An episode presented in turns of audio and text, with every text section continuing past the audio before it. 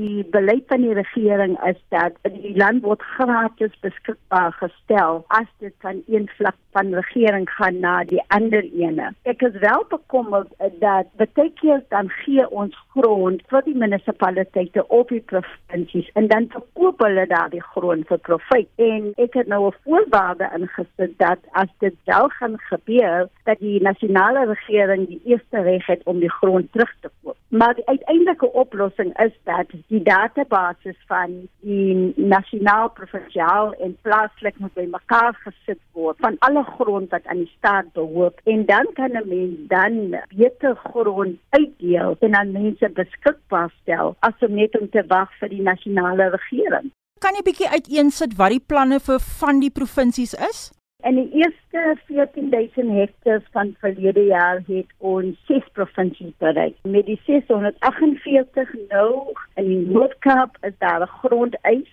wat ingesit het voor 1998 en daar is 2.8 hektaar wat aan die Duran familie geskenk word. Dan ook in Pretoria is daar 'n plaas Elandsfontein waar die munisipaliteit van Swane gevra het en hulle sal omtrent so 4000 huise daar kan bou. In die Ooskaap in Himansdorp is daar 'n groot iets wat lank al uitstaande is van die Amastengo gemeenskap en 15 plotte gaan nou aan hulle beskikbaar gestel word en KwaZulu-Natal, Katamano wat ons gegee het aan die uh, eThekwini munisipaliteit dit is net so oor die 2.1 hektaar Mpumalanga en dan ook in Pretoria self het ons 'n gebou beskikbaar gestel aan die departement van sosiale ontwikkeling vir die victims van uh, gender-based violence. Daar is nog baie wat gaan kom maar ons sal gereeld aankondigings maak wanneer ons dit beskikbaar stel.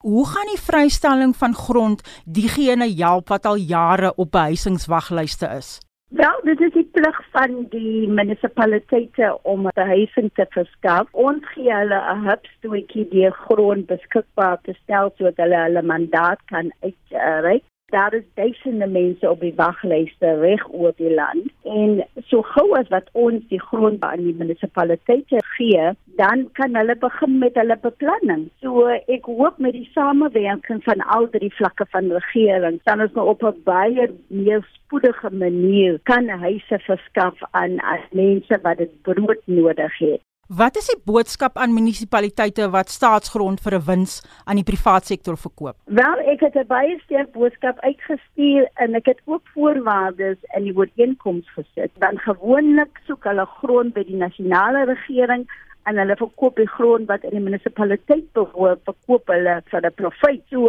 nou mag hulle dit nie meer doen nie. As hulle probeer om dit te doen, dan met die nasionale regering die eerste reg het om daardie grond terug te koop. Jy het nog genoem van 'n database. Hoe lank sal dit neem om so 'n database op te stel en wat is die belangrikheid daarvan?